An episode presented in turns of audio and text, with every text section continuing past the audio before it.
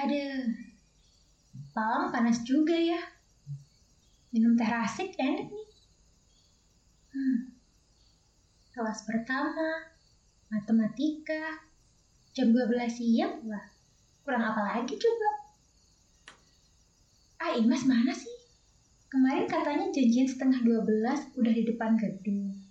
Ini jam 12, kurang dikit, belum datang juga. Hmm, masuk aja lah.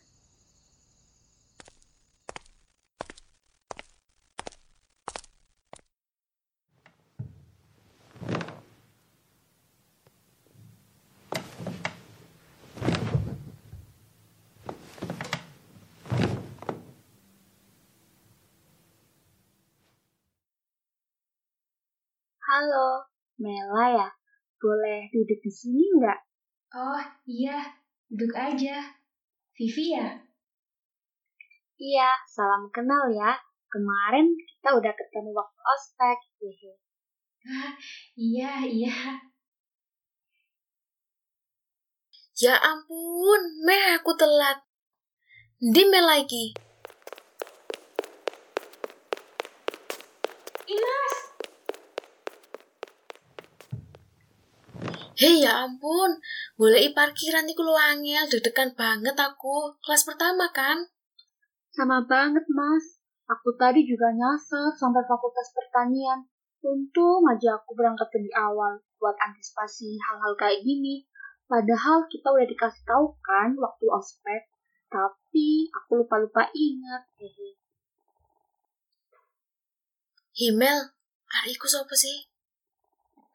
Ya ampun, temenku satu ini ada aja kelakuannya. Vivi, Mas. Waktu makan siang ospek kemarin, dia duduk di samping kami. Oh iya, Vivi. Ya ampun, Vi, apa kabar? Jangan keras-keras, Mas. Dosennya udah datang tuh. Oh iya. Aduh, maba, maba.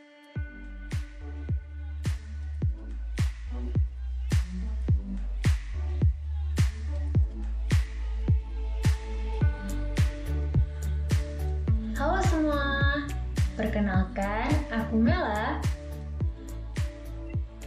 Aku Imas. Aku Vivi.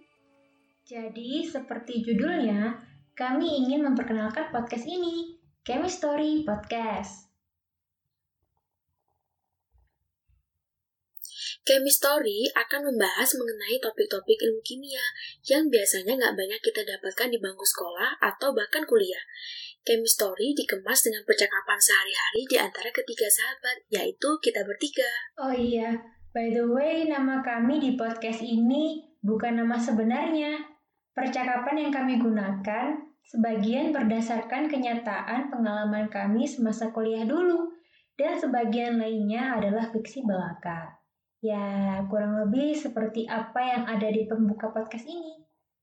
Sekarang sih kita sudah lulus dan menjalani kehidupan masing-masing. Bisa dibilang podcast ini seperti cara kami untuk reunian sambil berbagi pengetahuan tentang topik-topik ilmu kimia. Ngomong-ngomong soal topik, topik apa aja sih yang bakal kita bawain, Vi? Kita punya lima topik utama nih. Di antaranya adalah kisah hidup ilmuwan, bagaimana suatu penemuan bisa ditemukan, perkembangan suatu teori, penemuan kimia terbaru, dan penjelasan mengenai fenomena kimia di sekitar kita. Wah, menarik banget kan? Iya. Oh iya, kasih penjelasan singkat dong tentang topik-topik kita. Oke Mel, nah di topik yang pertama adalah kisah hidup ilmuwan. Topik ini menjelaskan perjalanan hidup ilmuwan mulai dari bangku pendidikan hingga perjalanan karirnya. Selain itu, topik ini juga menjelaskan tentang kebiasaan atau gaya hidup ilmuwan yang dapat membuat mereka menjadi punya rasa ingin tahu yang besar terhadap sains. Menurut aku, ini topik yang sangat menarik karena sempat kebayang gak sih gaya hidup seperti apa yang dimiliki para ilmuwan dunia yang sangat-sangat pintar itu? Apakah hidup mereka hanya diisi dengan buku-buku usang dan alat-alat laboratorium? Atau Lingkungan seperti apa sih yang bisa membentuk mereka menjadi seorang yang memiliki rasa ingin tahu yang tinggi terhadap ilmu pengetahuan? Aku rasa kita bisa belajar banyak sih dari kehidupan mereka. Jadi, menurut aku belajar kimia nggak melulu tentang senyawa. Ya, betul banget, Mel. Di topik yang kedua yaitu bagaimana suatu penemuan bisa ditemukan. Di bangku pendidikan formal, Sebagian besar dari kita hanya disuguhi rumus-rumus atau teori dan cara menggunakannya dalam soal ujian. Tapi di topik ini, kita ingin menceritakan perjalanan suatu teori atau penemuan hingga bisa diterima dan digunakan dalam kehidupan sehari-hari. Sehingga kita semua bisa memiliki pemikiran yang lebih terbuka dan kritis. Misalnya tentang bagaimana suatu unsur bisa ditemukan. Aduh, jadi ingat skripsiku kan? Imas itu paling menikmati proses skripsi by the way. Hah? Hei, kok malah jahat sih? Kita lanjut aja deh ya. Nah, di topik yang ketiga adalah mengenai perkembangan suatu teori. Sains itu dinamis guys. Suatu teori bisa berkembang dari waktu ke waktu. Jadi, suatu teori itu dianggap benar sampai suatu hari nanti kebenaran itu bisa disanggah dan diperbaiki. Kita ambil contoh teori atom deh ya. Kamu masih inget gak, Mas? Enak Ayla ngomong, gak lupa lah. Enggak, enggak. Guyon aku cuma bercanda. Dengerin ini, tak ceritain.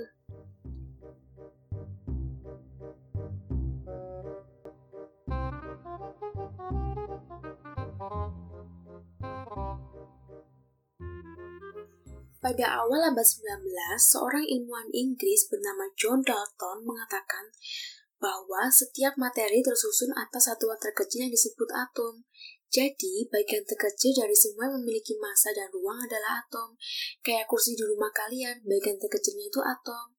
Terus badan kita, bagian terkecilnya itu atom. Pokoknya semua yang memiliki massa dan ruang, bagian terkecilnya adalah atom. Atom dianggap sebagai satuan terkecil dari sebuah materi hingga menjelang abad 20. Joseph John Thomson menemukan bahwa atom dapat dibagi lagi nih. Ia menjelaskannya dengan model seperti puding plum. Mungkin kalau di sini bentuknya mendekati itu loh, choco chip cookie kali ya. Chip itu diandaikan sebagai muatan negatifnya. Nah, adunannya itu muatan positifnya. Jadi, muatan negatif V tersebar dari muatan positif sejumlah jumlahnya lebih besar. Lah, ya ampun, kemudian teori ini dibantah oleh mantan mahasiswa Thomson sendiri, yaitu Ernest Rutherford.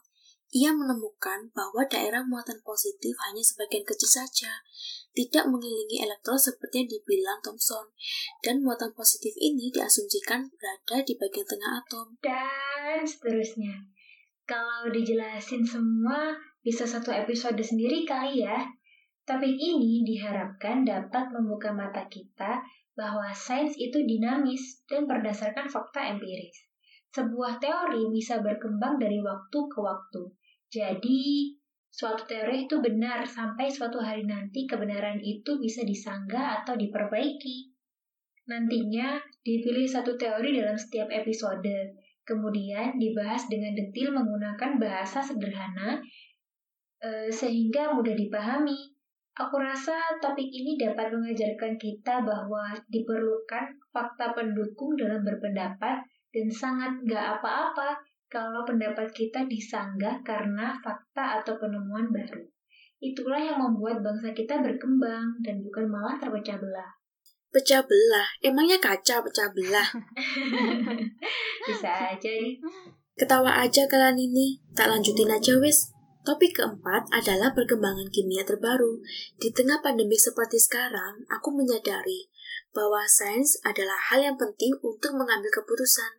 Kita juga sebaiknya nggak menyebarkan suatu berita yang sebenarnya nggak jelas kredibilitas atau keasliannya.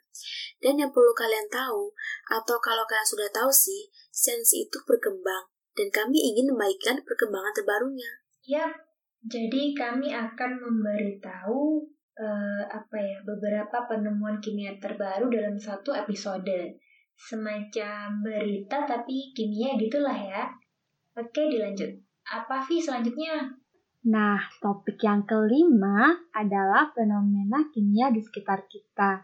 Di topik ini, kita akan menggunakannya untuk menjawab pertanyaan-pertanyaan sederhana atau bahkan nyeleneh tentang fenomena di sekitar kita yang sebenarnya bisa dijelaskan menggunakan ilmu kimia. Yang menarik adalah kalian bisa mengirimkan pertanyaan kalian melalui akun Instagram kami di @kami.story. Nah, itulah kelima topik yang akan kami bawakan ke depannya. Gimana? Menarik bukan? Oh iya, episode perdana nanti adalah episode spesial, beda dari topik yang ada, karena nanti kita akan menjelajahi waktu tentang bagaimana kimia ini bermula sebagai bentuk kenalan kita. Oke deh. Terima kasih sudah mendengarkan. Sampai jumpa di episode perdana. Bye!